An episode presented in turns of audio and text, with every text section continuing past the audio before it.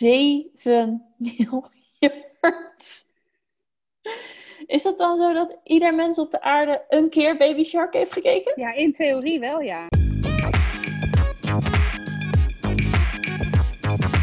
Hey, welkom allemaal. Leuk dat je luistert naar weer een nieuwe aflevering van, en ik ga het voor het eerst zeggen, Dit is 30, de podcast. Wauw, wat rolt wat soepeltjes je, je mond uit. Fantastisch. Ja, dit is 30. Dit is de eerste podcast die we opnemen sinds onze naamverandering. En ik ben er echt super blij mee. Ik weet niet hoe het met jou zit, maar um, ja, ik ook. Echt een goede, um, goede stap. Dus, uh, en wat ik ook nog begreep is, uh, als je... dit is de dag, dat is een hele bekende podcast, want dat is iets van Radio 1 of zo, weet ik veel. Maar als je dus dit is de intypt, dan krijg je ook als suggestie, dit is 30. Dit... Oh, nice. oh, echt. Jouw communicatiehart moet hier sneller van gaan kloppen. Of zeker, zeker wel. dus, uh, ik ben daar heel gelukkig van. Dus een beetje communicatie nerdy, maar um, ja, dus dit is 30 en uh, we gaan weer uh, beginnen vandaag. We hebben volgens mij allemaal onderwerpjes lekker om over te kletsen. Dus um, zal ik, ik wil, ik, ik wil even een vraag aan jou. Want ik vroeg me af, omdat het zeg maar de rode draad door onze podcast is de vasectomie van onze mannen. dus om hem nog even af te sluiten, is de test ja. al geweest? Nee, de test is nog niet geweest. Oh. Ja, I know. is dat vanwege... Er moet nog even een potje gevuld en ingeleverd worden. Oké, okay, dus is het vanwege corona of is het vanwege Dezelfde laten we het onder de no nee, laten we het onder de noemer corona vegen. Gerne, ja. Oké, okay, volledig door corona. Dus het is niet dezelfde reden als waarom jij nog geen uitstrijkje hebt gedaan. Je bedoelt uitstelgedrag? Nee, het uitstrijkje heb ik overigens gedaan. maar helemaal je... clean, by the way. Oké, okay, ja. gefeliciteerd. Met je maar... set. Maar met je, met je eigen handmatige set? Nee, niet met mijn eigen set, want ik moest naar de gynaecoloog voor het menstruatieprobleem. Oh, ja. En toen lag ik daar in de beugels en toen zei ze, joh meid, zal ik gelijk maar een uitstrijkje doen? Hebben we dat ook maar gedaan. Toen dacht ik, is de moment, ik lig hier nu toch al met de ene bek erin. Be my guest. Ja. Dus, dus dat. Dus toen heeft ze uitstrijkje gedaan en uh, nou, was niks. Uh, ik word clean hill of health. Hill of health, voor mij nou, bill of health. Jezus, het is maandagavond jongens. Clean bill of health down ja. under, in ieder geval. Als het gaat om de baarmoedermond. Ja, het HPV-virus. Onrustige cellen. Ja, HPV. Ja, inderdaad. Gevonden. Dus, uh, dus ik ben helemaal uh, clean. Maar nee, het heeft, het, is, het heeft daar niet zoveel mee te maken. Het is gewoon uh, ja, gedoe en het moet even gebeuren. En daarna moet het natuurlijk ook nog binnen afzienbare tijd bij een lab gebracht worden. En, ja, ja het, en vergt, inderdaad, het vergt echt enige planning.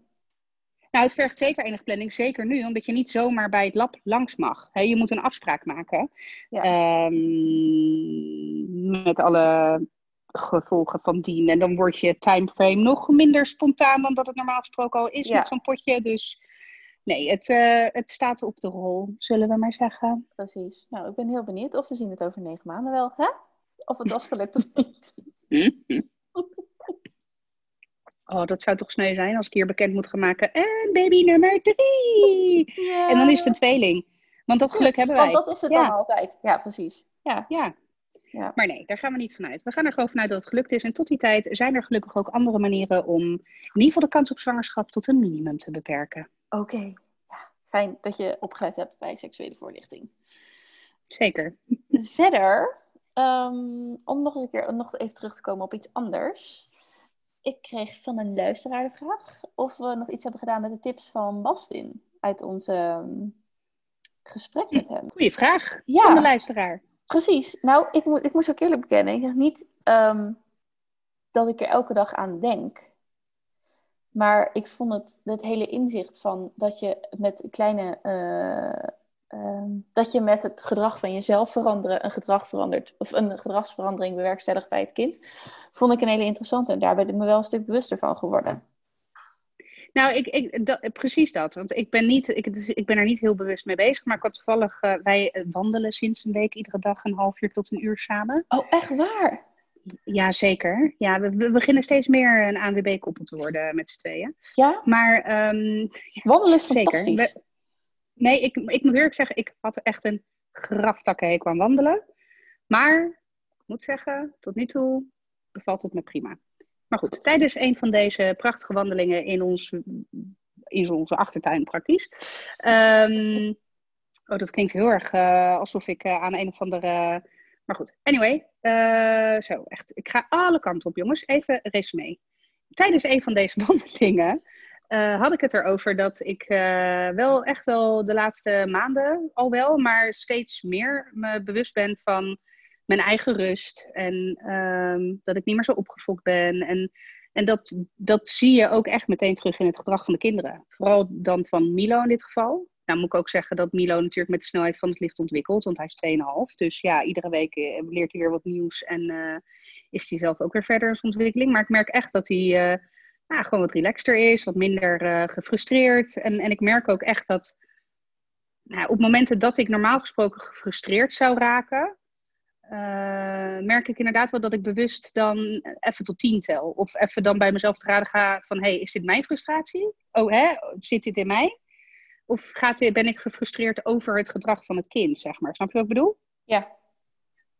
Dus, uh, dus nee, ik, ik, niet, ik heb niet heel bewust iets gedaan met de tips van Bastin. Maar ik denk wel dat het onderdeel voor mij is geworden van een uh, al geheel groter veranderings ja, het cyclus wel, of zo, weet ik veel. Hoe noem je dat? ja. Het heeft gewoon weer zo'n moment waarop je gewoon een spiegel voorgehouden krijgt. Met van, ja, uh, opvoeden is voor leven, zeggen ze natuurlijk ook wel, hè. Dus, um, en, en mhm. dat is ook gewoon zo. Hoe jij, dat is niet helemaal wat, wat dit, precies wat één op één, maar hoe jij je gedraagt en hoe jij je voelt, dat radiates gewoon. Dus je kinderen hebben daar, pikken dat ook op. En dat, um, ja, dat is, wel, dat, is, dat is wel weer even blijven hangen en zeg maar nog duidelijker gemaakt. Want je weet het ergens wel, maar soms moet iemand het ook tegen je zeggen weer of zo. In een bepaalde situatie. Ja. ja. Oké, cool. Dus dat. Ja. Ik, ik, nou, weet je, ik, ik, ga gelijk verder. Het gaat heel ver heel iets anders, maar ik heb iets superleuks ontdekt op Instagram. Um, ik had al gezegd dat ik meer dat ik iemand was gaan volgen die alleen 40-plussers fotografeert. Portretteert, had ik dat al gezegd? Ja, ja. Ja, dus dat is ik weet niet of ik in de podcast had gezegd, maar ja. Oh, nou, in ieder geval wel tegen jou. Dan nogmaals in de podcast. Ik ben iemand gaan volgen die dus alleen 40-plussers fotografeert. En dat bevalt me prima. Uh, geeft echt een beter beeld en een beter gevoel dan kijken naar 20-jarigen. Want ja, ik ben er inmiddels ook 15 jaar van verwijderd. Hè? Dus um, en da daar waren ook een aantal uh, dames met grijs haar. En toen ben ik verder gaan klikken. En nu, er is dus een wereld van dames met grijs haar. En die zijn er helemaal trots op. En die showen het. En ik vind het fantastisch. Weet je wat de hashtag is? Dat vind nog leuker. Silver Sisters. Silver Sisters? Juist. Oh, ik ja. krijg hier een blik van de redactie. Mijn gute. Sorry. nou, hij kan bij de Silver Brothers hoor, by the way. Dus, um... Zeker. Nou, hij is ook echt bijna 40. Dus ja. Ja, hè? ja. nee, maar het is echt. Dus ik, ik heb, ben ook een of andere hashtag, maar dat is ook een Spaanse hashtag volgens mij. Maakt niet uit. Maar dan krijg je dus allemaal plaatjes van uh, vrouwen met prachtig grijs El haar. cabello die... silveros. Nee, nee niet. of niet. Nee, ik weet niet. Jammer. Nee, dus uh, de Silver Sisters, ja, die, uh, die fascineren mij wel. En um, ik weet niet of ik er echt al bij hoor, maar uh, ja, dit, het ging zelfs zo ver dat ik was bezig met die capsule wardrobe en kleurenpalet. En mijn schoonmoeder stuurde op een gegeven moment een berichtje. Die zei, is grijs jouw nieuwe kleur? Dus ik ging gelijk helemaal verhalen van nee, uh, ja, nou, ik laat het nu gewoon. Uh, ik vind het een fascinerend uh, proces. En ik laat het nu gewoon lekker zo gaan zoals het gaat met dat grijs worden. Toen dacht Ze had het over de kledingkleur. oh, sorry, bedoel je dit? Haha. dus nou, het houdt me bezig. Nou ja, ik moet kijken, ik, ik ben zeg maar, ik ben van nature niet grijs, helemaal niet. Ik heb denk ik één, nou niet denk ik, ik heb één grijze haar gehad in mijn leven. Volgens mij heb ik jou die zelfs toen geappt. Ja, uh, toen dacht ik, en, oh. Uh, ja, dat. dat is hetzelfde als dat jij mij zou appen, ook ben een kilo aangekomen. Ja, zeg maar. precies, ja. dat. Ja, dus, uh, um, maar goed, ik heb natuurlijk mijn haar grijs geverfd. Mm -hmm. Tenminste, niet helemaal, maar ik had toen een soort van ja, baby highlights heet dat, geloof ik. laten ontkleuren en grijs laten maken. Ehm, en ik vond het wel tof eigenlijk. En, en ik moet eerlijk zeggen, ik kijk ook. Ja? Ja, ik vond het ook echt super goed. Super, super, super goed gelukt. Ja, nou inderdaad. Dus, uh, dus ik ben helemaal pro-grijs. Sterker nog, ik zit er zelfs mee te spelen om uh, bij een volgende kappersbeurt uh, het wat drastischer nog te laten mm. ontkleuren. Ja, ik weet, ik weet nog niet of ik de guts en de glory heb, maar ja, ik vond het wel echt vet. En ik vind, ik vind echt op het moment dat je, kijk, het lastige denk ik met grijs haar, als ik in ieder geval kijk naar mijn ontkleurde haar, en dat, dat is alleen nog maar ontkleurd, hè, want echte grijsharen hebben ook net even een andere structuur, geloof ik. Uh, het lastige, denk ik, met grijze haren, zeker als je in een soort van transitiefase zit, zeg maar, tussen je eigen kleur en het grijze haar, is dat de verzorging van grijs haar echt wel anders is. Ja. Uh, volgens mij is het droger en wat stugger. En ja, dus ik denk dat dat vooral lastig is. En waarom ook heel veel vrouwen dan een soort van moedeloos worden op het moment dat ze grijs worden. Afgezien van het feit dat het, nou ja, toch in het teken staat van ouder worden. En omdat deze huidige maatschappij is ingesteld op hoe jonger, hoe beter. Um, uh, maar los daarvan is het ook gewoon de verzorging van je haar wordt ook anders, denk ik. Ja, want uh, de grijze haren die ik heb, ik vind net visdraad. Het, als het zeg maar ook is, uh, is, is, afgebroken, weet je wel, dan staat er ook echt zo'n witte visdraad uit je hoofd omhoog. Dan denk ik echt, oké. Dus um, ik weet niet of alle grijze haren die, die, die, die structuur krijgen, dat weet ik ook niet. Want mijn haar is eerlijk gezegd al ontploft genoeg. Dus ik hoef niet nog dikker haar, zeg maar. Nee, nee. I cannot handle that. Dus um, um, ja, maar dat is het inderdaad. Van ja, ben je dan al over de 50% of zoiets, weet je wel. Zodat je inderdaad de grijze manier van verzorgen gaat, ja. gaat gebruiken. Ja, en het wordt op een gegeven moment zo peper en zout. En gekkig. Dus, uh, ja. ja, maar ik vind peper en zout echt niet verkeerd. Ik vind dat echt wel charmant. Ik vind trouwens grijze haren bij vrouwen heb ik nooit lelijk gevonden. Of nooit uh, nou, onaantrekkelijk of whatever. Net zoals dat ik grijze haren bij mannen ook... Ik vind grijze haren bij mannen zelfs misschien nog wel aantrekkelijker dan zo'n kop met, nou ja, van dat just for men haarkleuring zwart, zeg maar, weet je wel? Oh, ja, nee, haarkleuren, dat hoeft voor mij ook niet. Nee. Maar ja, ik, uh, ik moet wel zeggen dat de dames die ik dan nu heb gevonden met een grijze koep en die daar heel trots mee op Instagram staan, zijn over het algemeen wel hele gemake-upte types en alles klopt en het haar is dan gestyled en weet ik het allemaal. Dus ik denk, oh ja, dat, toch vind je het ook mooi omdat er zeg maar moeite voor, moeite voor is gedaan, hoe zeg je dat? Dus, tuurlijk, ja, ja, ja, tuurlijk. Dus het blijft nog steeds bij de effort die je erin stopt. Dus nou ja, goed, dat, uh, dat doen we dan maar. Maar goed, hey, ik heb een ontzettende. Uh, ik, hier, hier heet het al de knots. Dat is een feunworstel, heb ik gekocht. Nou, dat gaat hartstikke goed. Maar vervolgens fiets je gewoon drie keer in de regen vandaag. Dus ja, dan kan je met je feunworstel je, je lief in en je. Um, en je uh, weet dat moest zitten, maar dan wordt het nog steeds zo'n ontzettende enorme bos. je, bent, je, bent, je bent nu, ja, de luisteraars kunnen het natuurlijk niet zien, maar je bent nu inderdaad net zo'n leeuw. Zo'n ja, van die manen. Zo. Ik ben weer de leeuw, ja. Dus ja, daar kan geen knots tegenop. ik het daarop ophouden. Knots, ik heb er hele andere associaties bij, maar die is misschien voor een volgende podcast. Ja. Misschien kunnen we een keer uh, gesponsord worden door een of andere shop. Lijkt me leuk. een knots. Een, een ja. knotsshop. Ja. Nou, uh, zeker. Ik, wij testen wel hoor. Zeker, ja. Goed. Heb jij nog iets leuks? Nou, nee, leuk niet. ik heb wel iets wat me best wel bezig heeft gehouden de afgelopen dagen. En dat is, ken je Fred van Leer? zeker. Uh, Wat vind je van Fred van Leer? Ik vind Fred van Leer heel leuk. Ja, Fred. Nou, ik ben dus ook uh, van. Uh, ik ben echt fan van Fred. Ik vind hem echt, echt heel erg leuk. Tuurlijk, ook zeker hysterisch en over de top. Maar inderdaad, bij hem kan ik dat hebben. En ik moet zeggen, ik heb ook zijn docu gezien. Um, Fred heet dat volgens mij. Ook gewoon, die documentaire. Uh, waarin hij uh, nou ja, wat meer achtergrond ook bij wat hij allemaal doet. En weet je, het, het, lijkt bij hem altijd alsof het allemaal maar komt aanbaaien. Maar hij werkt er echt kei en kei en kei en keihard voor. Um, is daarin ook soms wel wat neurotisch. maar goed, dit allemaal als een beetje background. maar goed, er is vorige week een filmpje van hem uitgelekt. Ik heb het filmpje niet gezien en als ik hem wel zou kunnen zien, zou ik hem ook niet bekijken, want ik vind dat echt mogelijk. Hetzelfde geldt voor dat filmpje toen van Patricia Pai.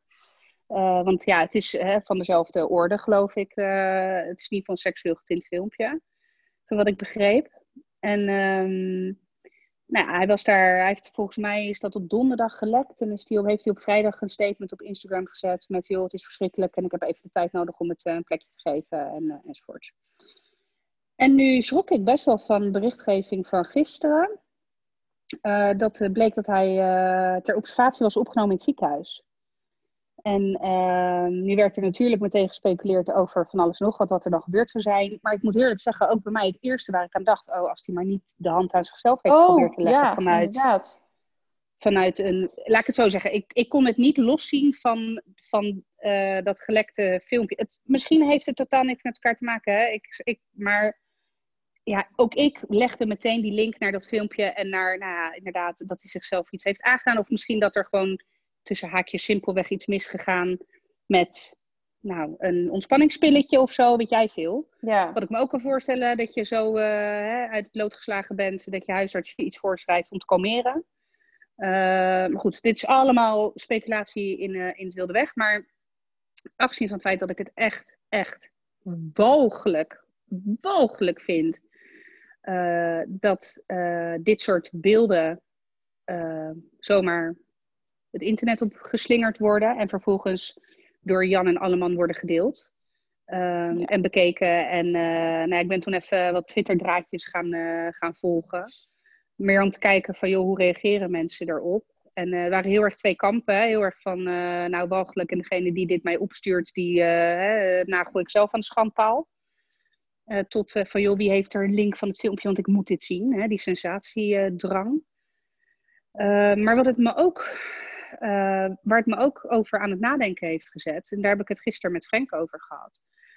Van ja, weet je, um, dit is nu al de zoveelste, in dit geval BN'er of in ieder geval bekend persoon waarbij seksueel getinte uh, content gelekt wordt. en waarbij dus ook het leidend voorwerp uh, zichtbaar en herkenbaar in beeld is gebracht, zeg maar is dit, uh, of moet dit onderdeel gaan zijn ook van het hele bloemetjes- en bijtjesverhaal, wanneer je de seksuele voorlichting aan je kinderen gaat geven? Van joh, uh, hè, uh, let erop dat je niet uh, gefilmd wordt. Of dat als je dan hè, toch wil filmen, dat je dan ervoor zorgt dat zowel jij als je partner niet herkenbaar in beeld zijn. Want je weet maar nooit, voor hetzelfde geld word je gehackt. Of voor hetzelfde geld, hè, revenge porn is ook een hele bekende vorm van. Uh, uh, dus dat vond ik wel echt heel lastig. Ik denk, ja, Jezus, dan ga je het met je kinderen hebben over seksuele voorlichting. En, en over. Uh, nou, sowieso is de lading tegenwoordig, denk ik, heel anders. Nou, ik moet zeggen, ik heb ook wel echt op een hele constructieve manier seksuele voorlichting gehad. waarbij het niet alleen maar de nadruk lag op. nadruk lag op. Um, de PNK. nee, de PNK, ja. Nee, nou meer uh, op bijvoorbeeld uh, voorbehoedsmiddelengebruik en uh, ziektes en dat soort dingen, maar vooral ook over joh, het genieten ervan enzovoort. maar goed, de, de, generatie voor mij weet ik vrijwel zeker dat, dat die dat niet genoten heeft. Zo'n soort voorlichting. Dat, hoe heb jij die, die, die soort voorlichting gehad? Van mijn moeder. En er werd sowieso heel vrij gepraat bij ons thuis over seks. Maar ook het genieten daarvan.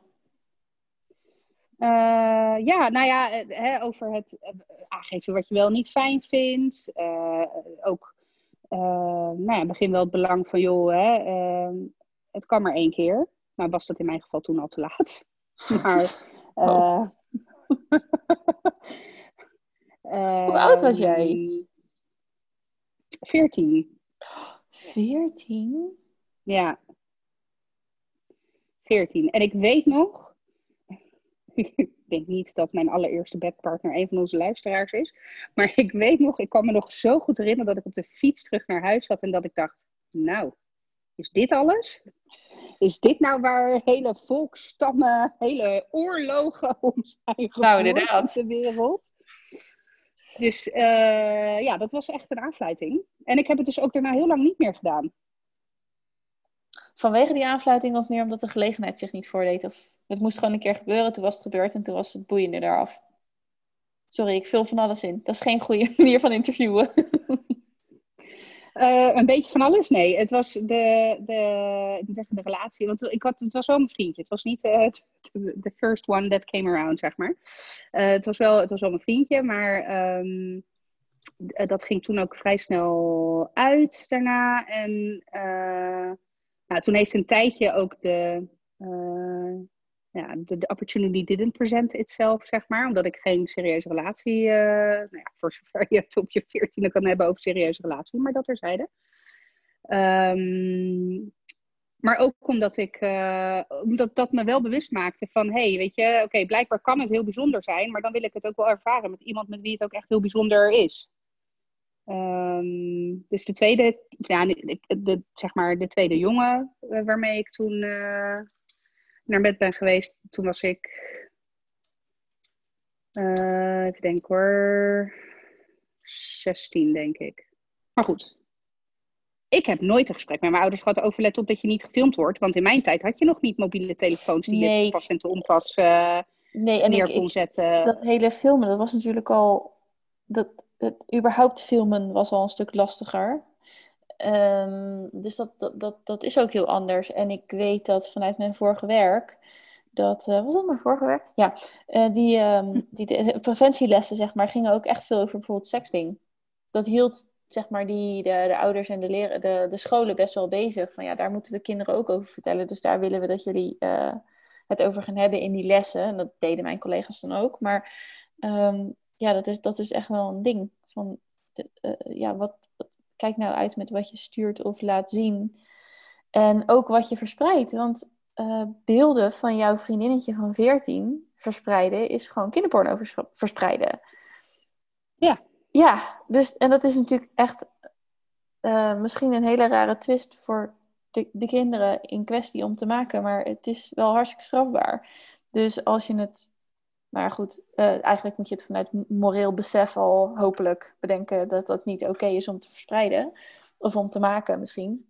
Maar vanuit uh, um, justitieel oogpunt, moet ik het dan zo zeggen, is het ook gewoon echt uh, niet ja, oké. Okay. Ja, Nee, eens. eens. Kijk, en ik, ik, zit dan inderdaad nu wel meer op het stukje in mijn hè, denkproces, het stukje moreel. En dan eigenlijk vooral ook in het stukje vanuit het slachtofferperspectief. Dus nou ja, zelf, mijn kinderen, ja, zelfbescherming.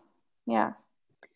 En voor joh, let er alsjeblieft op. Want laat ik, laat ik heel eerlijk zijn, ik ben, en niet alleen hierom hoor, maar om een heleboel redenen, maar wel echt ook hierom godschuwelijk blij dat in de tijd dat ik jong en onbezonnen was, om het maar even zo te zeggen, en uh, nou ja, seksueel actief, uh, dat dat soort shit er in ieder geval niet bij zat. Dat ik me in ieder geval niet druk hoefde te maken over uh, een, een, vriendje, dan wel scharrel, dan wel whatever, die het leuk vond om mij te filmen. Want ja, je, ging niet zo snel een camcorder pakken of zo, zeg maar.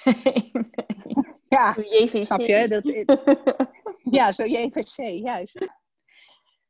Mag ik een bruggetje slaan naar een nieuwsberichtje wat ik las, wat ook over video gaat. Sla jij maar een brugje. Maar dan een hele andere video. Weet jij wat de meest bekeken YouTube-video ooit is? Ja. Baby shark, do, do, do, do, do, baby shark, do, do, do, do, do. Die! Ja. Ik denk dat elke ouder op deze aardkloot het antwoord kent op deze vraag van jou. Wij, wij hadden gewoon eigenlijk een trigger warning moeten geven. Ja, inderdaad. Let op, spoiler. Oh nee, niet spoiler, inderdaad, trigger warning. Trigger warning. We gaan nu Baby Shark zingen. ja, ik vind dat... ja, maar dat gaat. Weet je, die kinderen kijken, kijken, ik zie hier ook elke keer dezelfde filmpjes voorbij komen. Dus ze kijken ze gewoon honderdduizend keer. Dus ja, als uh, je, ja. Uh, dikke tip, als je wil scoren op YouTube, moet je vi uh, video's voor kinderen maken. Vooral voor. Maar dat is toch zo. Maar dat is toch sowieso, je hebt toch ook al die freaking unboxing video's waarin kinderen speelgoed uitpakken, wat ook miljoenen keren wordt bekeken. Dat ik denk echt, nou, hè, FC kansloos hier, maar hey, die ouders lopen erop binnen. En de kinderen hoop ik dan dus ook ergens. Maar... Ja, dat hoop je dan, ja. Dat zie je terugkrijgen. ken jij ook die video's van... Um, ja, dat zijn denk ik Roemeense kinderen of zo, of Russische kinderen. Dat, zijn dan Dat jongetje en dat meisje? Het jongetje en dat meisje, ja. Oh my god. En die, die, die, die, die, tussenaan, ik doe even eh, air quotes, die acteren dan ook. En dan hebben ze echt tien van die speelhuisjes op een rij, waar ze dan een hele video mee maken. En dan dat meisje in die auto rondrijden. En dat, maar dat zijn echt superveel video's. En maar dat huis is ook enorm, heb ik het idee. Ja, maar die mensen die krijgen ook miljoenen. Nou, miljoenen weet ik niet, maar miljoenen views in ik- ieder geval. Ja, maar ik weet niet of, of ze echt, want ik, ja, behalve dan, nee. Nou, volgens mij kan je daar echt een hele goede boterham aan verdienen hoor. Echt, Nou echt ja, een serieus goede geval- boterham. Ja, het zal in ieder geval wel dat je iets met views kan doen, maar en dan is het meer de reclames van pre-roll en er de reclames misschien ertussenin, maar zij zelf maken volgens mij niet echt reclame, want het zijn wel een soort van geacteerde scènes. Ja, maar volgens mij unboxen zij ook eh, speelgoed. Dus zij zullen ook wel, ehm, eh, hoe heet het, zeg, eh, nou ja, sponsored of in ieder geval op een, een of andere manier ondersteund worden door een speelgoedfabrikant. Kan ik me haast niet voorstellen dat het niet zo is.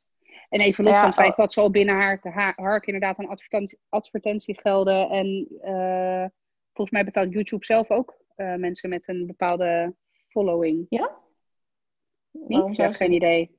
Weet ik veel. Om advertentieruimte te kunnen verkopen.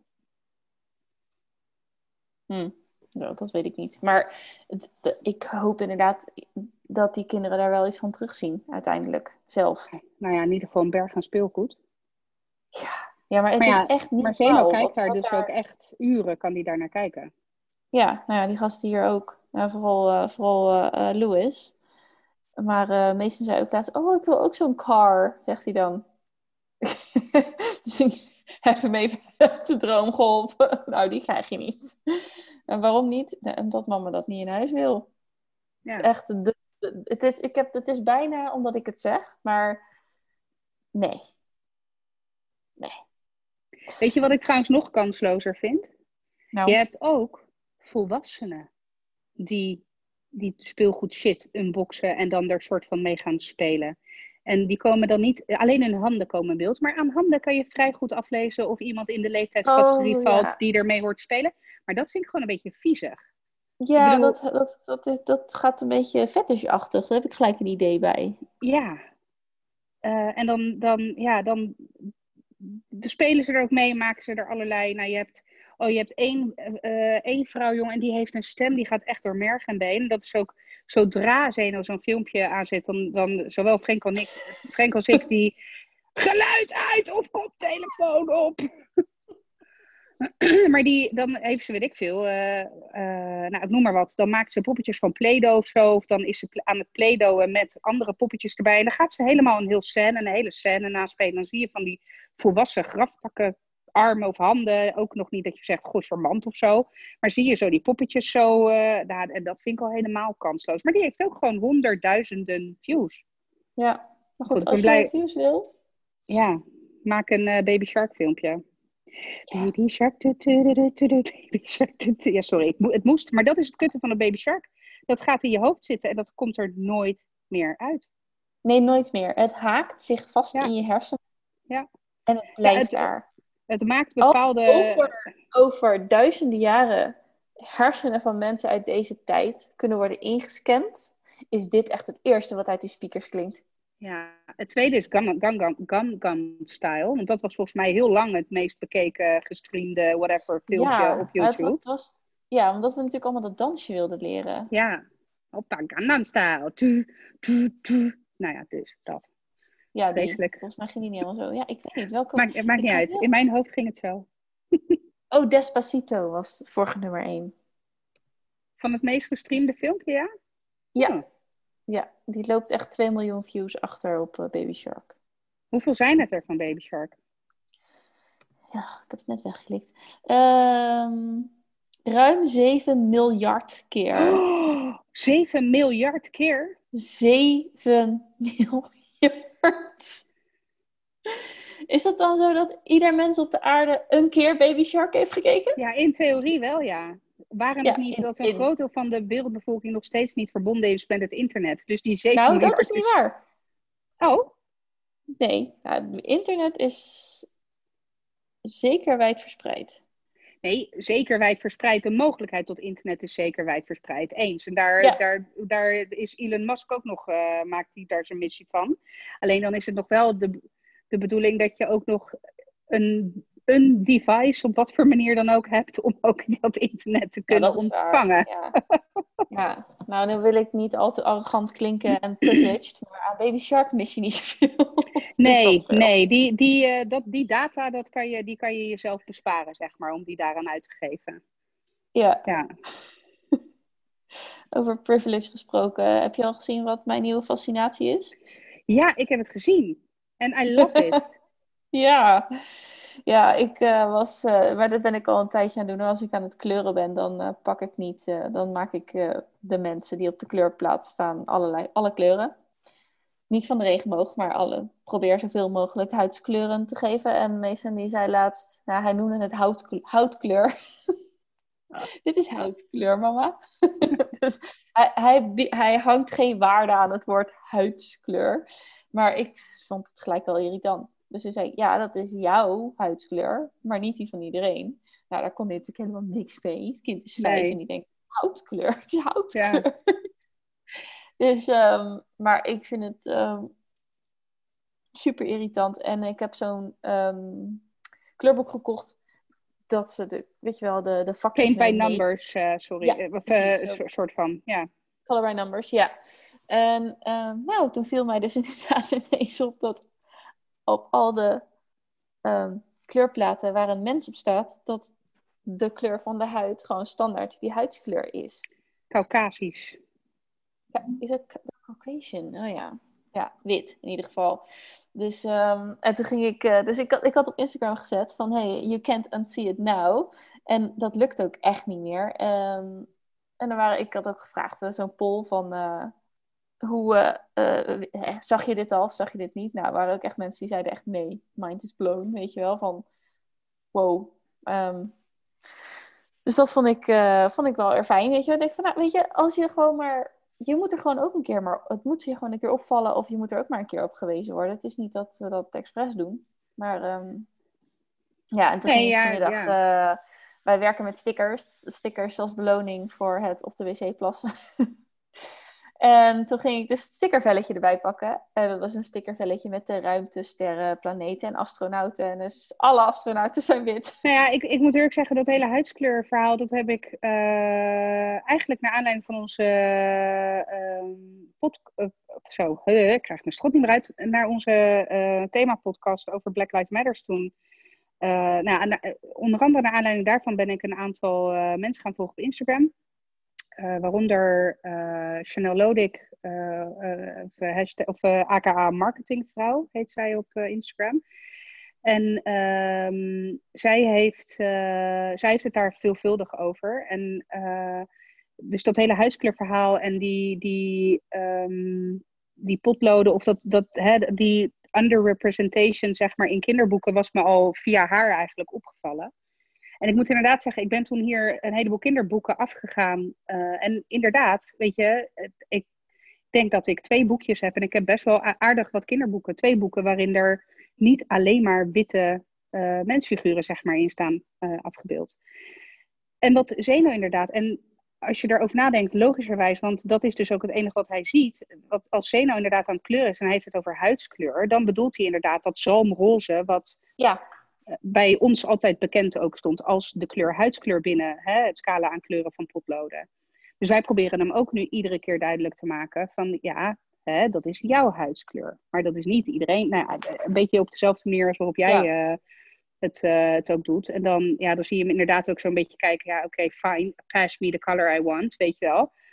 Um, Maar toen, toen heb ik er wel over na zitten denken. En uh, ook, weet je, we, nou ja, het is, uh, nu gaan we richting uh, 5 december. En dat ik wel denk van ja, stel dat ik nu hè, kinderboeken ga kopen, dat is wel iets waar ik op ga letten. Ik moet zeggen, het is, was me nooit opgevallen in kleurboeken. Ik moet zeggen dat we hier ook niet heel veel kleurboeken, in kleurboeken hebben. Zeno die tekent eigenlijk altijd vrij op, ja. op, op witte blaadjes.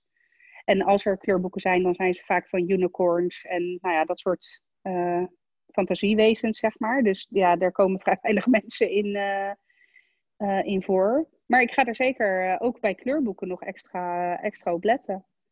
Ehm, ja, nou, het is, zeg maar een, een, een regulier kleurboek. Kan je natuurlijk sowieso zelf kiezen wat voor kleur je neemt. Maar zo'n color by numbers ding, dat valt er nog wel extra op. Maar um, dan nog zijn het altijd de Europese trekken die in het kleurboek staan. En ja, zo, zit, zo ziet Nederland, zo ziet de wereld er gewoon niet uit. Dat, dat is, zo, zit het er, zo zit het gewoon niet meer of niet in elkaar. Dus dat, nou ja, goed. Um, ik... hoe, uh, hoe ben je, zeg maar, uh, nou ja, woke vind ik altijd zo'n, maar hoe ben je er, ja, hoe ben je daarin woke ja. geworden, zeg maar? ik zei het laatst ook, ik ben woke. Ja, werd dus wat gekotst. ik ben niet woke. Uh, ik heb een keer, een keer een plaatje gezien, zo mensen, uh, mensen met humor, zo'n cirkel, en dan woke mensen, de cirkel, en die stonden even helemaal ver bij elkaar vandaan. Hoe ik dat uh, ben, nou, het begon in eerste instantie wel van dat ik, ik vind kleuren heerlijk. En um, uh, dat ik ook inderdaad aan het kleuren was. En dat ik eigenlijk zelf heel bewust. Maar dat was ook naar aanleiding van de hele Black Lives Matter ding. Dat zat het, in die periode was het dat ik dan een kleurboek pakte.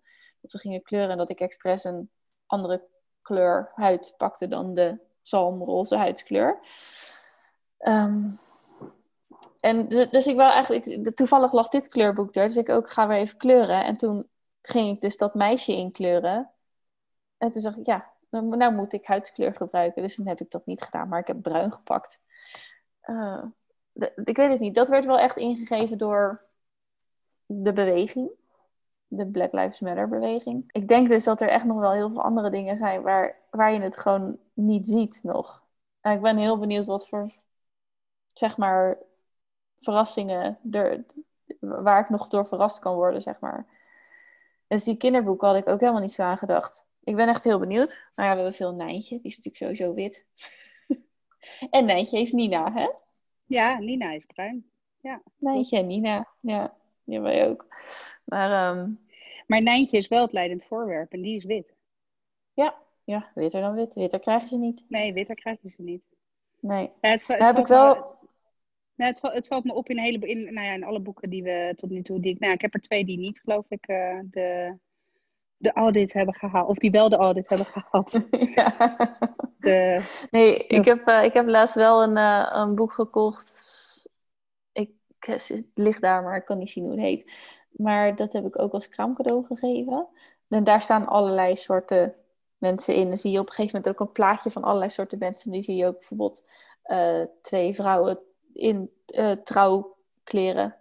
Dus ja. dat, en alles. Ja, dus in de breedste vorm van inclusiviteit. Volgens mij heb ik die gezien toen ik de laatste keer bij je was. Uh, uh, ja. Dat boek heel mooi geïllustreerd ook trouwens. Ja, heel nou, mooi is, geïllustreerd. dat is het ook gewoon een heel mooi boek om zeg maar ja. te, te, hebben. En um, nu ben ik mijn punt kwijt. Oh ja, weet je wat ik ook wil doen? Ik ben weer bezig met een boek aan het schrijven. En mm -hmm. um, in dat verhaal wil ik eigenlijk ook wat diversiteit introduceren. Of in ieder geval daar meer bewust mee bezig zijn. Dus ik wil bijvoorbeeld een personage hebben dat gebruik maakt van een rolstoel. Maar niet dan dat het verhaal is van die rolstoel, maar dat het gewoon iemand is die toevallig gebruik maakt van een rolstoel. Weet je wel? Dus, maar ik vind dat heel lastig, uh, omdat ik zelf dat niet doe. Dus ik zat altijd te denken van hoe kan ik dat doen? Of kan ik misschien een ander type persoon erin maken. Want ik denk, als ik, en dat heb ik ook als ik een boek lees en iemand wordt niet zeg maar uiterlijk omschreven, dan is die persoon voor mij wit in mijn hoofd. Ja.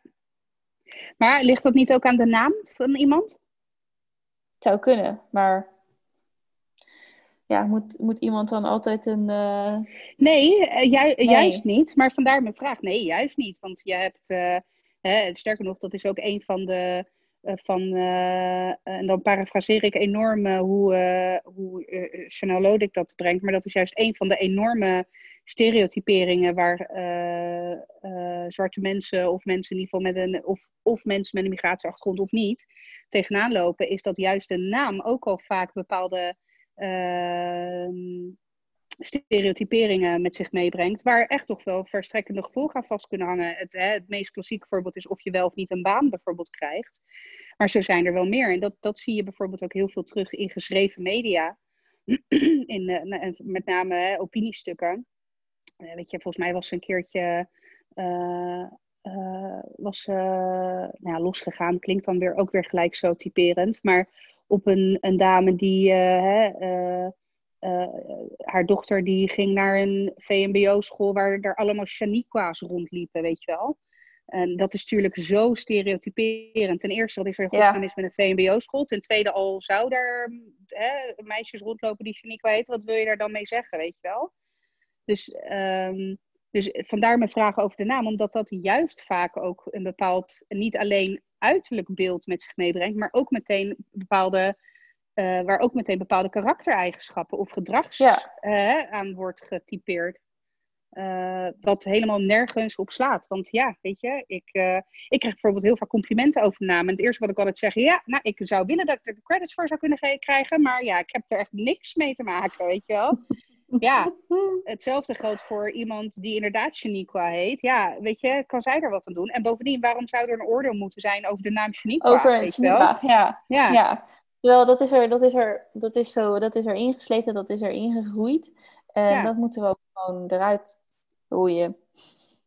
Dat iemand, iedereen, iedereen moet in ieder geval gewoon met een blank canvas kunnen beginnen. Dat ja, en dat is ook wel, en dat is wel heel erg lastig hoor.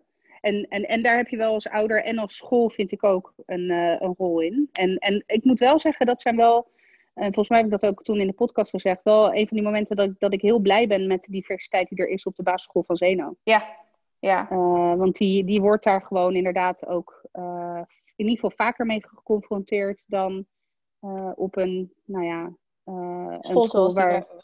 mijn school. Ja, een, een, ja. een, overwegend witte school.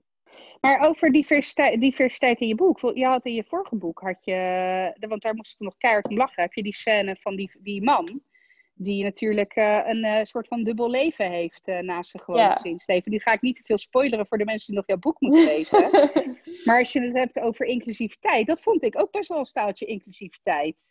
In de breedste ja, zin van het woord. Ja, nou ja, ik vond het ook, ik, ik vond het, ik vond het leuk om dat zo te benoemen, want ik wilde een probleem in dat huwelijk, zeg maar. Ehm, en ik vond het wel een interessant probleem of uitdaging. Nou ja, en uiteindelijk... kijk, ik denk wel dat het verschil is hè, dat, dat deze. Uh, uh, ja, shit, hoe, dit moet je nu gaan omschrijven zonder te spoilen. Dat is moeilijk. Ja, maar nee, het, het, de, het, de, deze angle, zeg maar, van het verhaal, of de, deze gebeurtenis of deze issue. Uh, wat ook wel raakvlak heeft met inclusiviteit, had wel echt een doel en een functie in het verhaal. En, ja. um, dat, ja. hè, en dan als je dan nu, zeg maar, dan de brug slaat met je, het boek wat je nu aan het schrijven bent, dat je aangeeft, joh, oké, okay, ja, een van de karakters die maakt gebruik van de rolstoel, punt. Zonder dat dat uh, een functie heeft binnen de verhaallijn, het feit dat zij in een rolstoel zit. En ik, ik kan me wel voorstellen dat dat moeilijker is qua schrijfstijl of zo, omdat je dan, je moet een soort van bewust het uh, nou ja, downgrade is niet het goede je, woord, ja, maar je hebt geen, nee, er geen... geen... scène die je erbij en een, een boek schrijven. Je gaat een boek. Ik beschrijf in mijn boek niet een, een, een saai uur waarin er niks gebeurt, zeg maar. Nee. Waarin ze gewoon een uur lang een boek leest. Of nee, zo, je bent geen Harry Mulisch, zeg maar. Nee, nee, nee. Het is, het is minder. Ja, minder, minder. Ja, nou ja, goed. Laat. Het is dat. Nou goed. Um, het is wat simpeler dan Harry, misschien moet ik het zo zeggen. Um, dus dan moet je het, ik zei ook van ja, dan moet ik iets verzinnen van uh, een gesprek en dan ze draaiden zich om en rolden weg of zo. Ik weet het niet, maar het is, ik weet het niet goed. Misschien uh, maak ik het mezelf in deze zin ook te moeilijk. Moet ik het iets dichter bij mijn eigen ervaringen zoeken. Maar nou, daar ben ik inderdaad wel. Ik ben er in ieder geval wel mee bezig. Van hoe kan ik zorgen dat iemand die mijn boek leest niet uh, beide namen bedenkt. Standaard witte man, witte vrouw. Goed, of uh, valide. Uh, wat heb je nog meer, weet je wel? Ja. Dus, nou, ik, ik ga eens kijken hoe ik dat tot een goed einde kan brengen. Maar dat is wel het leuke van zelf die projecten doen. Ik kan gewoon zelf weten wat ik doe. Dit is toch mijn boek. Dus um, dat, in die zin zou je ook wel kunnen zeggen dat uh, het feit dat ik dit doe is voor mezelf ook leuk, omdat ik daarin dingen kan ontdekken. Ja. En uitproberen. En ja, um, ja boekschrijven is leuk. Zou ik moeten doen. Weet je dat ik, ik, heb, ik heb nog een roman zou schrijven, waar zou het dan over gaan? Nou, de grap is, ik, uh, uh, ik roep dat al denk ik vanaf dat ik uh, tien ben. Dat ik ooit in mijn leven een boek wil schrijven. Nou, misschien nog wel dat ik jonger ben. Um, en weet je wat ik, ik... Ik heb ook, sterker nog, ik heb volgens mij toen we de zolder gingen opruimen een paar weken geleden... heb ik nog een soort van storylines, zeg maar, teruggevonden die ik had uitgeschreven toen tijdens een vakantie in Italië. Met personages en een beetje, weet je wel, dat je in hoofdlijnen zeg maar de personages zo uitschrijft. En een beetje, maar goed, dat was, toen was ik, nou wat zou ik geweest zijn, 14, 15. Dus ging het natuurlijk over 14, 14 50-jarige liefde en dat soort geneuzel. Zou een goed young adult boek zijn geweest, denk ik. maar wat ik echt een machtig, machtig mooi verhaal vind. Alleen wat ik niet denk ik niet zou kunnen schrijven, in ieder geval zeker voorlopig niet, maar uh, is om het uh, verhaal van mijn moeder op te schrijven. Uh, oh ja, oh, maar dat is en wel niet, heftig. En, nou ja, en niet per se in een autobiografische vorm, want dat, maar wel zeg maar, nou ja, bepaalde gebeurtenissen in haar leven, bepaalde keuzes, bepaalde, nou ja, weet je, en, waarin eigenlijk gewoon de kracht van een vrouw centraal staat, zeg maar. Uh, Ondanks alles wat iemand mee kan maken. Maar dat, weet je, ik denk dat dat namelijk echt een, echt een ontzettend boeiend levensverhaal is. Maar goed, dat levensverhaal is nog gaande. En ik hoop dat dat ook nog heel lang gaande blijft. En ik weet dus ook niet. Um, ik weet niet of ik dat boek zou kunnen schrijven, ook terwijl mijn moeder nog leeft. Aan de ene kant ja. denk ik dat het de, een van de mooiste odes is die je kindje kan geven. Hè, afhankelijk van de inhoud van het boek. Maar hè, de, in mijn boek zou dus de kracht van de vrouw centraal staan. Dus je kan ervan uitgaan dat het uiteindelijk. Nou, dat, zeg maar, als ik het even op mezelf zou betrekken, zou ik het prettig vinden als moeder. ja, maar weet je, ja, er zijn, er zijn ook wel aspecten waarvan ik denk, ja, ik weet niet of ik weet ook niet of een moeder dat überhaupt. Ik heb het nog nooit met haar erover gehad, overigens. Dus als ze deze podcast luistert, dan. Man bij deze.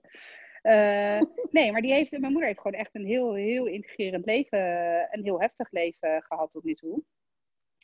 Um, maar de manier waarop ze hè, veerkrachtig is en, en in het leven staat, uh, ja, dat. Uh, uh, en ik weet ook, en, en in het verlengde daarvan zou ik dan het misschien wel verwerven in een soort van generatieverhaal. Want we hebben heel lang vier generaties vrouwen gehad die tegelijkertijd leefden. Dus ik, mijn moeder, mijn oma en mijn overgrootoma. Waarbij mijn overgrootoma de oorlog heeft meegemaakt. Mijn, mijn oma heel erg in de de 60s, 70s uh, jong is geweest en dus daar die hele revolutie heeft meegemaakt. Nou, ja, dan het verhaal van mijn moeder. Maar ja, dan moet ik ook mijn eigen verhaal er mee gaan. Uh, ja, en daar houdt het op, zeg maar. Dat, vind, dat zou ik dan wel heel moeilijk vinden. Maar goed, dus dan, dan heb je het niet echt over een roman. Of tenminste, ja, wel, maar snap je wat ik bedoel? Ja, het is ook een soort biografie, autobiografie. Ja, en een heel moeilijk boek om te schrijven. Ja, dat is niet. Ja. Een, dat is niet uh, uh, kijk, en ik kan best leuk een, een uh, tekstje schrijven van een A4'tje, maar uh, ik ben nooit verder gekomen dan vijf bladzijden achter elkaar schrijven. Dus ja. Ja, maar het, het makkelijke van, of makkelijk, het is, het, het, is niet per se makkelijk, maar het fijne van een roman schrijven is, is dat ik gewoon letterlijk kan gewoon mijn fantasie de vrije loop laten gaan. En Um, zeg ook altijd, het eerste boek is een halve autobiografie. Nou, in mijn geval was het halve eerste hoofdstuk een autobiografie. Daarna ging het een totaal andere kant op. Maar um, uh, ik kan me wel iets bij voorstellen, want je put best wel uit je eigen ervaringen. Weet je wel, je ziet iets voor je, of je ziet iets gebeuren. En dat is dan inspiratie voor. Wat, dus wat jij meemaakt, dat komt ook wel echt wel terug in het boek. Maar het grootste gedeelte ontspringt natuurlijk aan je fantasie. En dat, is, dat, vond, dat vind ik ook. Daarom, als ik eenmaal weer zeg maar denk van, oh, ik heb zin om weer een stuk te schrijven. Nou, dan is zo een avond zo voorbij. Want je bent alleen maar, ik zit helemaal in dat verhaal en dan zie ik het voor me en dan ga ik dat typen. En wat gebeurt er dan? Wat zal er dan gebeuren? Waar wil ik ongeveer naartoe? Weet je wel? En wat moet er gebeuren voordat ik daar ben? Uh, dat was natuurlijk ook met dan, waar je, de gebeurtenis die je aanhaalde. Die had ik al heel snel bedacht van ergens wil ik dit laten gebeuren. Nou, met wie kan dat dan? Waarom? En wat leidt daar naartoe? En wat moet ik, wat moet ik dan zorgen dat er gebeurt zodat dat gezien wordt of zodat dat naar voren komt. Nou, Want is dat, dan ook de manier, is dat dan ook de manier waarop je schrijft? Dus hè, zet je eerst of begin je gewoon en je ziet wel. Ik weet niet waar het eindigt. Nee, oké. Dus het is niet dat je al vooropgezet de, de lijnen hebt. Ja, je zal misschien wel in grote lijnen. Wat, nee, nou ben ik het trouwens ook voor je aan het invullen. Nee. Hoe doe je dat, een boek schrijven? Vertel. Oké, nee, maar... nou, uh, knipperende cursor op een leeg blad. Nou ja, maar dat is het wel zo'n beetje hoe ik, hoe ik het dan doe. Het is het, het uh, ik weet dat ik een bepaal, ik heb een bepaalde situatieschets in mijn hoofd en er zijn wel dingen waarvan ik denk van dat vind ik interessant voor een verhaal. Um, net als dat uh, de, um, in mijn verhaal is de moeder met twee dochters. En een van die dochters die, is een, die, die gaat in ieder geval um, haar Instagram gaat ineens, die wordt ineens een soort influencer. Mm -hmm. Nou, dat leek mij vanuit het oogpunt van een moeder wel echt super interessant. Dus daarvan weet ik al, dat wil ik dat er gaat gebeuren. Maar ja, er gebeurt van alles en nog wat. En op een gegeven moment dacht ik, oh, het zou handig zijn als mijn hoofdpersoon een psycholoog is. Dus op. Zes psycholoog. Bij deze, zes jaar Bij deze. vijf minuten afgerond. Check. Dus dat is, uh, en ja, dat vind, dat vind ik er wel echt heel erg leuk aan. Maar ik weet echt niet waar het verhaal gaat eindigen. Of wat, wat, wat ze nog mee gaat maken. Of wat er dan misgaat en weer goed komt en misschien weer niet goed komt. Dus uh, ja, dat, dat vind ik wel het hele mooie eraan. Ik, uh, nee, ik, ik heb geen vooruitgeschreven plots of, um, of, of wat dan ook. Nee. Ik heb ook ben een boek er... van uh, Stephen King gelezen. Dat heet Overleven en Schrijven. Mm -hmm. Nee, geen, geen boek van Stephen King. Nee, ik wou net zeggen. ik denk, schrijven huh? van Stephen King. Ja, ja okay, mooi. Nee, ik, nee, ik wou net zeggen, ik ben groot Stephen King fan. Ik heb heel veel boeken van hem gelezen, maar dat is echt never nooit niet jouw soort. Ja, jouw hoofd was ook echt gewoon, je kon gewoon een emoji maken van jouw hoofd, zo verbaasd stond het. Nee, uh, dat heet overleven en schrijven. En het gaat een deel over zijn leven, maar ook een deel over schrijven. En hij zegt uh, eigenlijk hoe hij het doet, is ook van, ja, uh, nou, het is nog net niet, ik begin ergens en ik zie wel waar het eindigt. Ja. Maar dat is ook wel zijn manier waarop het ontstaat. En op een gegeven moment heb je een personage in je hoofd en dan zie je ze ook. Je weet gewoon hoe ze gaan reageren op een bepaalde situatie. Omdat het een soort van levend personage in je hoofd is. Dat klinkt heel eng, maar dat is het niet. Nee, nee, nee. Ik snap precies wat je bedoelt. Ja. En ik dus denk dat lezers over het algemeen, hè, mensen die graag lezen, dat ook snappen. Want dat is, dat, dat, dat is ook hè, een fanatiek of een niet van vervent lezer die, die herkent die beeld die ja, projectie dat, zeg maar van woorden in ja. je hoofd. Ja, precies. Ja, ja, projectie van woorden in je hoofd. Ja, die, die, die, dat het een verhaal wordt in je eigen hoofd. Ja, en dat gebeurt er eigenlijk. Dus hetzelfde is inderdaad wat er met lezen gebeurt. Is dat je het verhaal ziet in je, in je fantasie. Zo gaat dat schrijven ook bij mij. Ik zie het in mijn fantasie en in plaats van dat ik het lees en het dan zie, zie ik het en schrijf ik het op. Dus um, ja, nou, mocht ik ooit mijn ambities als uh, schrijver wel uh, in de verre toekomst, uh, dan mag jij je proeflezen. Goed, sowieso zal ik je hulp nodig hebben. Want, ja. hey, jij hebt mijn vorige boek ook proef gelezen, want we ja, hadden natuurlijk een ja, ja. En nog heb ik een fout gemaakt door lasagne erin te zetten in plaats van lasagne. Het zij je vergeven, maar alleen omdat jij het bent. Dank je. Um, nog even een kleine, um, daarna zijn we wel weer aan het eind, maar een klein bruggetje van het schrijven van boeken het is niet zo heel aardig, weet je wel, maar uh, als je dan over necrologieën hebt en zo. Mm -hmm. Ik zag een nieuwsbericht dat je een hologram. Weet je waar ik heen ga? Nee? Ik ken een nieuwsbericht dat jij niet kent. Nou, blow my mind, okay. please. Je kunt dus, er zijn bedrijven die je, waarmee je een hologram van de overledene kan maken, zodat je, nou, zeg maar op je eigen begrafenis kan speechen. Gadverdamme. Nou, ik dacht eerst ook, wat is dit nu? Maar... Zou jij op je eigen begrafenis willen speechen? Weet ik niet. Het, ik ging er wel over nadenken. Ik en, zou dat echt traumatisch vinden. dus... Nee, eens. Maar ik zou het heel traumatisch... Laat ik het zo zeggen. Als ik het vanuit een nabestaande perspectief zou bekijken. Ik zou het heel traumatisch... Stel dat Frank morgen doodgaat. Ik zou het echt bijzonder traumatisch vinden als ik Frank voor mijn gevoel in levende lijven voor zo'n altaartje, of hoe, hoe heet zo'n ding, zo'n speaker ding, ja. dat heeft een naam. Nou ja, anyway, zo'n ding, zou, ja. Ja, zou zien staan en zijn eigen, en dan, dan ook, ik zie het al helemaal voor me, dat hij dan ook even zo half sip naar links kijkt, naar zijn eigen kist en dan weer naar de menigte. En dan, nee, dat, nee, sorry, dat gaat echt bij mij niet. Kijk, wat ik me wel, en volgens mij hebben we dat al een keer besproken, er was in Japan, in China, Taiwan, weet ik veel, een Aziatisch land, was dat hele 3D-verhaal met die moeder die haar dochter weer ziet in. Nou was dat wel geanimeerd. maar kijk, daar kan ik me hè, in een soort van closure-therapeutische omstandigheden, kan ik me nog voorstellen dat, maar als hologram je eigen begrafenis? Nee, ik, ik, ik, kijk, ja. ik, ik zou best, weet je, stel, het gaat natuurlijk ook een beetje, het is natuurlijk ook anders als je weet dat je uh, zou komen te overlijden. Kijk, als je plotseling wegvalt, dan is het natuurlijk wel echt anders.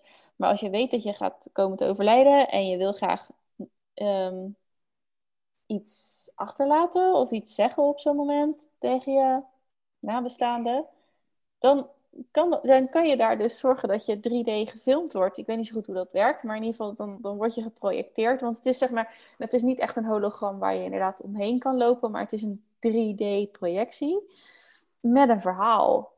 Uh, ja. Ja, ik, zie je echt Ja, nee.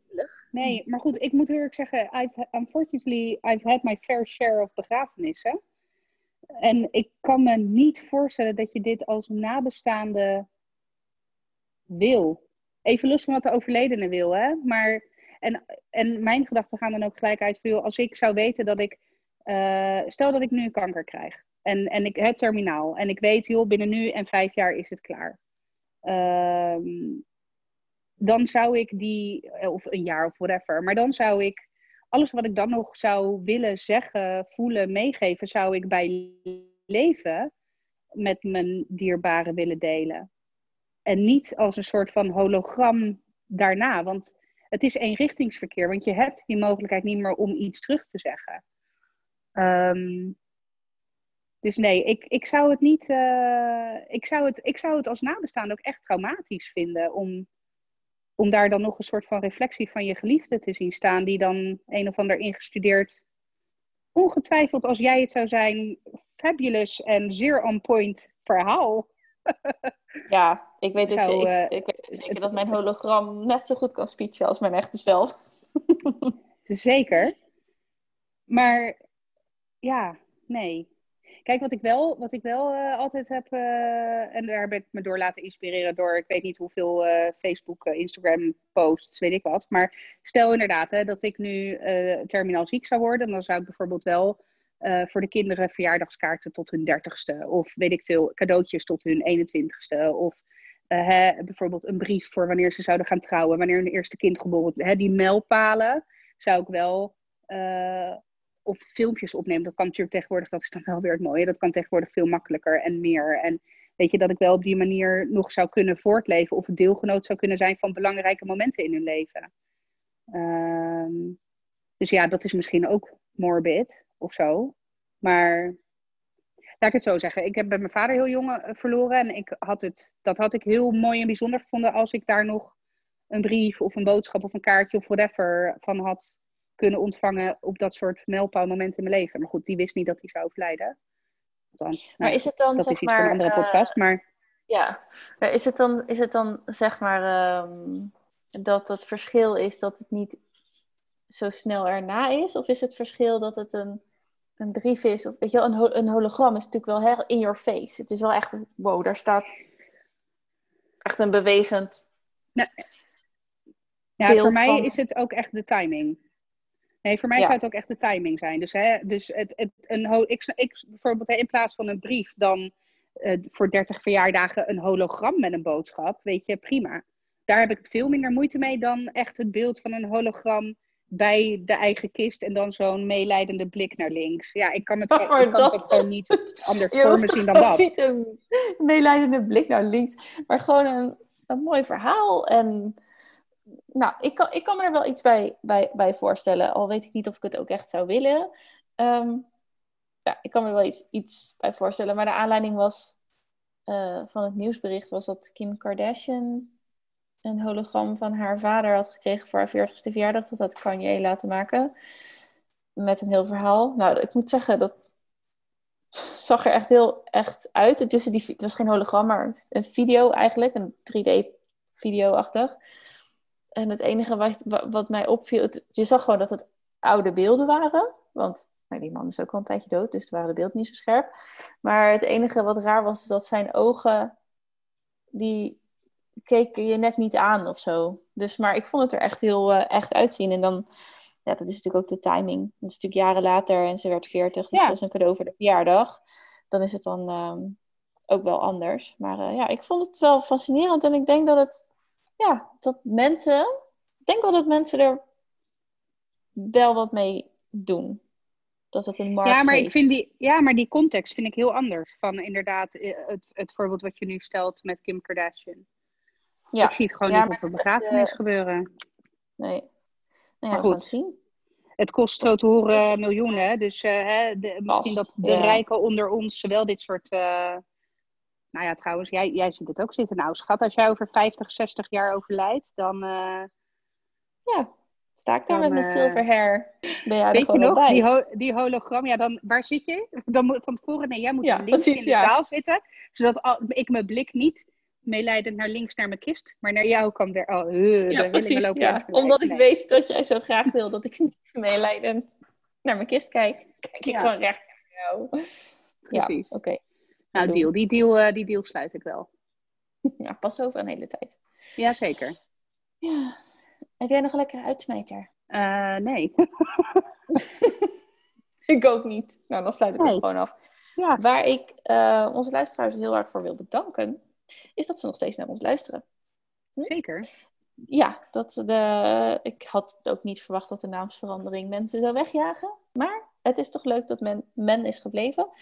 Er zijn ook echt, er is een hele leuke review bijgekomen. En er zijn echt uh, meerdere vijf sterren uh, bijgekomen in de Apple Podcast app. Dus dat is echt super, super, super. Heb je dat nog niet gedaan? Doe het alsjeblieft. Je vindt ons in, vooral die Apple-app is belangrijk voor ons om uh, een beetje hoog in de rankings te komen. Het helpt ons echt verder. Het is gewoon mega leuk om te zien. als je in een bepaalde hitlijst gewoon naar boven komt als uh, hobbyiste. Dus um, luister je de Apple Podcast app, geef ons daar dan vijf sterren uh, op onze soort zeg maar profielpagina. En een review, dat is nog beter. Dat zouden we super fijn vinden. En we zouden het ook leuk vinden als je gewoon weer luistert naar de volgende aflevering. Dus tot in de volgende aflevering dan maar weer. Doei doeg! Doei!